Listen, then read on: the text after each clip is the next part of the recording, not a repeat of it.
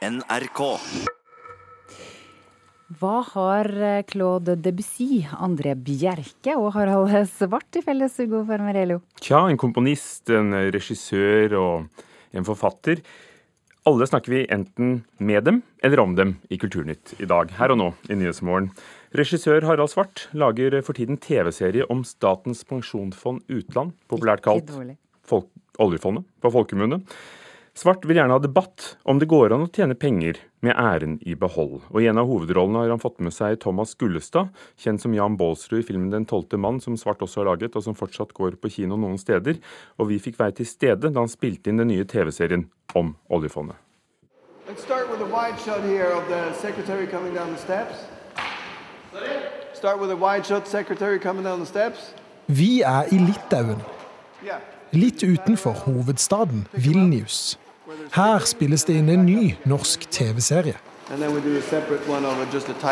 Mannen du hører, er den norske regissøren Harald Svart, som instruerer sitt litauiske filmcrew. Her sitter jo vi og ser på alt sammen. Her er jo begge kameraene på disse monitorene.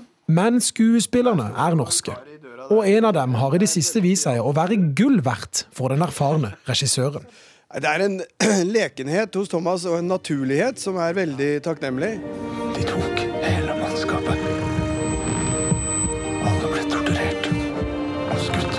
Thomas Gullestad sin tolkning av krigshelten Jan Baalsrud i filmen 'Den tolvte mann' fikk skryt av norske anmeldere.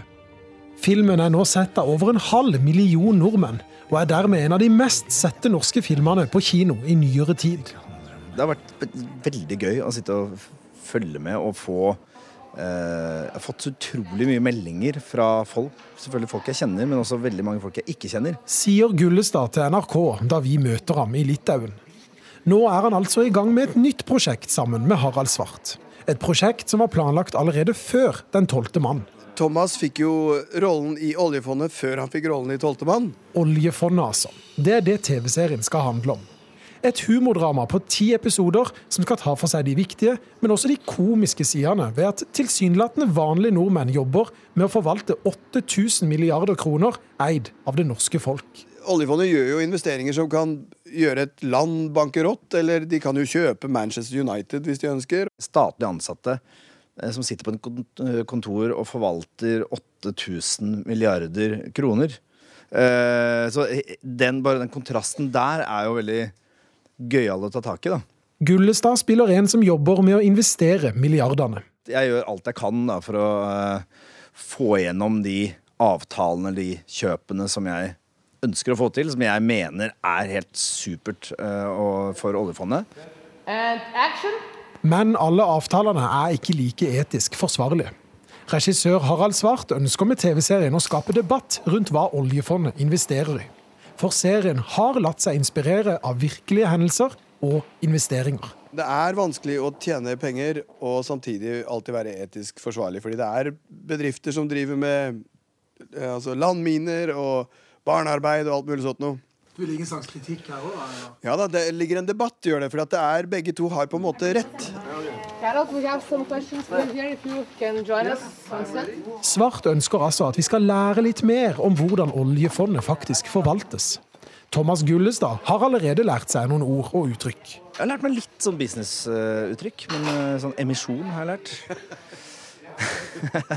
det betyr pengeinnsprøytning. Ja, det er noen flere, men jeg husker ikke. Det er så vanskelig å uttale.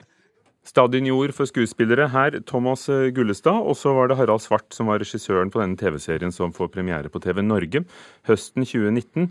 Reporter Christian Ingebretsen hadde truffet dem alle. I dag ville dikteren, forfatteren og oversetteren André Bjerke fylt 100 år, og slik hørtes han ut i det han leser selv. Vilde kan tale med julemenn, Vilde kan male med kulepenn, grønne og gale og gule menn. Vilde kan danse i sprett på skrå, svinse og svanse så lett på tå, springe og stanse med ett og stå. André Bjerke om sin yngste datter Vilde, og datteren som eh, André Bjerke skrev om her, er blitt litt eldre siden da. Nå forteller hun at hun har funnet selveste De dødes tjern. Kulturreporter Thomas Alverstein Ove, Hvor ligger det? Det ligger i eh, Telemark. Krimboken 'De dødes tjern' eh, kom ut i, i 1942 og har jo blitt en, en klassiker eh, som mange kjenner fra André Bjerkes hånd. Den ble film i 1958, men hvor tjernet Bjerke ble inspirert av er, det har vi visst lite om. Filmen er tatt opp ved tre forskjellige tjern i og rundt Oslo, så de har ingenting med saken å gjøre.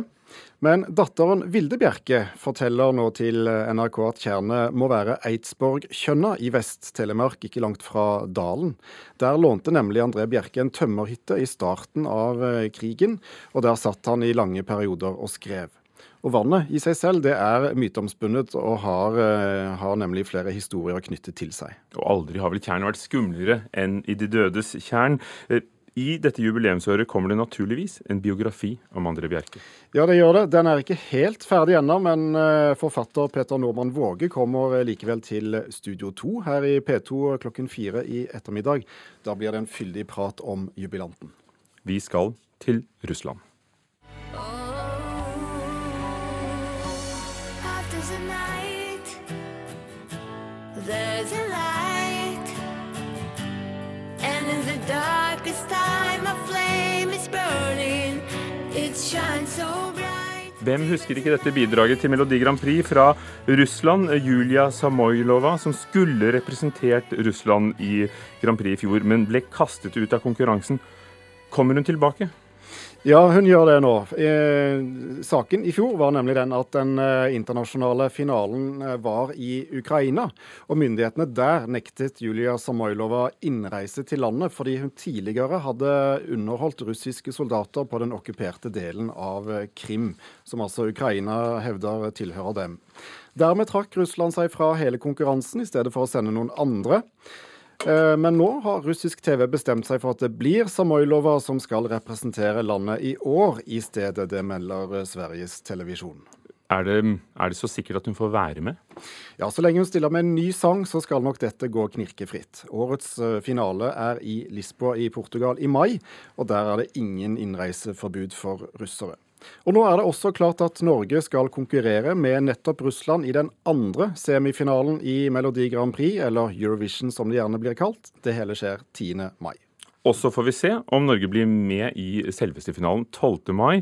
Eh, Og så er det TV-seerne selv som bestemmer hvem som skal sendes fra Norge. Og det skjer den 10. mars. Takk, Thomas Alverstein Ove. Kulturnytt eh, er fortsatt opptatt av musikk. Vi skifter sjanger. I år er det 100 år siden den franske kommunisten Claude Debussy døde. Altså 25. mars skjedde det i 1918. Ikke uventet så kommer da mange klassiske utøvere med sine utgivelser av Debussys musikk.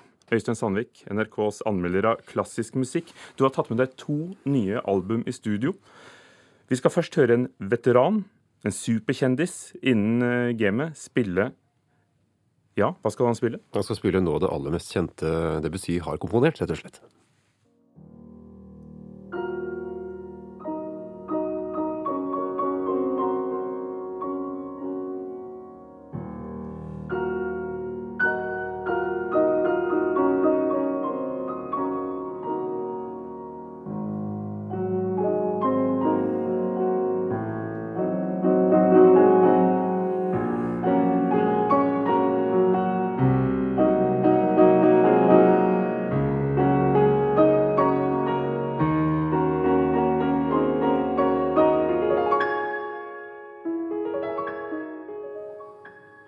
Dette er den eh, nå 75 år gamle superkjente dirigenten og pianisten Daniel Barenboim. Debussys klaverstykke 'Claire de Lune' fra Suite Bergamask. Fra det splitter nye albumet til eh, Barenboim. Fungerer det? Det fungerer veldig fint. Også Barenboim er en interessant musiker. Jeg har alltid hatt veldig sans for Barenboim som pianist, selv om han ikke er sånn teknisk helt i toppklassen. Han begynner jo å dra på åra, 75 år. Du merker det litt på, på teknikken. Det er ikke helt det der eksakte detaljarbeidet som du finner hos en del pianister som spiller dette. Men han spiller fint. Han går til kjernen i musikken og gjør interessante ting. F.eks. i dette lille stykket her, som jo ofte spilles veldig musak. Men han gjør det veldig utadvendt. Han har hurtig tempo og drar virkelig til på midtpartiet her. Så det, det, er faktisk en innspilling som minner litt om måten Debussy selv spiller på, på et gammelt opptak fra, fra 1913. Så jeg mistenker om at han har liksom gjort litt research her. Og Da går det kanskje an å spørre seg hva er det som gjør et album til et perfekt album? Ja, altså det må jo være noe som belyser uh, en komponist fra en litt ny synsvinkel. Det syns jeg bare man gjør. Altså, han har en litt sånn romantisk og nesten inderlig måte å spille Debussy på, som ikke er så vanlig nå lenger blant uh, franske pianister. Som har litt mer denne teknisk perfekte, litt mer kjølige uh, måten å nærme seg musikken på. Så man må liksom litt tilbake kanskje til sånn pianister som Claudio Arrau og litt sånn av den eldre skolen for å finne noe som ligner på, på dette. Så det er Perfekt. Det er ikke alltid det beste. Debussy, 100 år siden han døde. Hvor, eh, hvor, står han i dag i musikklivet? Debussy har en helt selvsagt posisjon selvfølgelig som kanskje den aller mest spilte franske komponist, men han er litt sånn komponisten for de vakre overflater blitt. Det er ofte det vi møter i, i konsertsalen. Uh, selv om han har også mer radikale ting. Også Den Norske Opera satte opp uh, hans opera 'Pellias et Melisande' i, i fjor. Et ganske krevende verk. Men ofte så er det jo på en måte liksom Debussy-klisjeene vi møter når vi hører Debussy.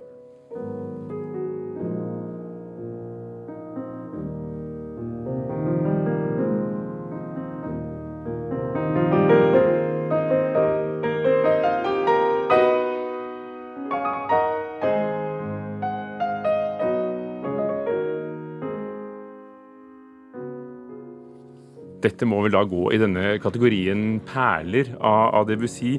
'Piken med linhåret', 'La fille au cheveux de lin' fra Preludier, eh, som Barenboy spiller det. Hvordan vil du beskrive måten han gjør det på? Det er aldri effektmakeri hos Barenboim. Han har ikke noe å bevise. Han har en så sterk posisjon. Han, eh, det er aldri bravur for bravurens skyld. Det er aldri sentimentalt. sånn at det er på en måte veldig sånn en ærlig og oppriktig måte å spille, spille Debussy på, som, eh, som tiltaler meg veldig. Også. Dette syns jeg skiller seg litt ut uh, i det vi ellers hører.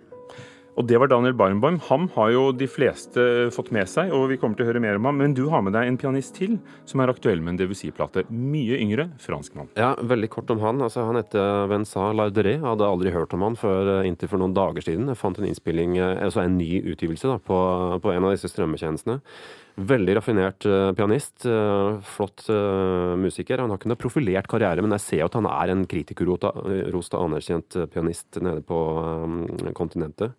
Men det som er litt morsomt, det er at han, han har lagd altså, en klaverversjon av noe av den mer ukjente musikken til Debussy. Altså, Debussy skrev teatermusikk til et teaterstykke av den italienske dekadentisten Gabriele Danuzio i 1911 med Ida Robinstein i hovedrollen som den hellige Sebastian. Den hellige... Aldri en stor suksess som teater, visstnok? Nei, og litt skandale fordi erkebiskopen i Paris satte ned foten og mente at dette var ikke bra, og pavekirka satte alle skriftene hans på indeks, og det var noe litt sånn homoerotisk i skildringen av den hellige Sebastian som ikke ja, som var kontroversielt i samtiden, da. Um, og det ble en, en liten sånn orkestersuite av denne musikken som ble orkestrert av en venn av Debussy, for han hadde så utrolig tidsnød. Men Laudré har tatt det ned tilbake igjen til klaverversjonen og gir oss en side av Debussy som uh, man ikke har hørt så mye av. Dette er litt sånn mørkt, dystert, nesten list på sitt mest demoniske.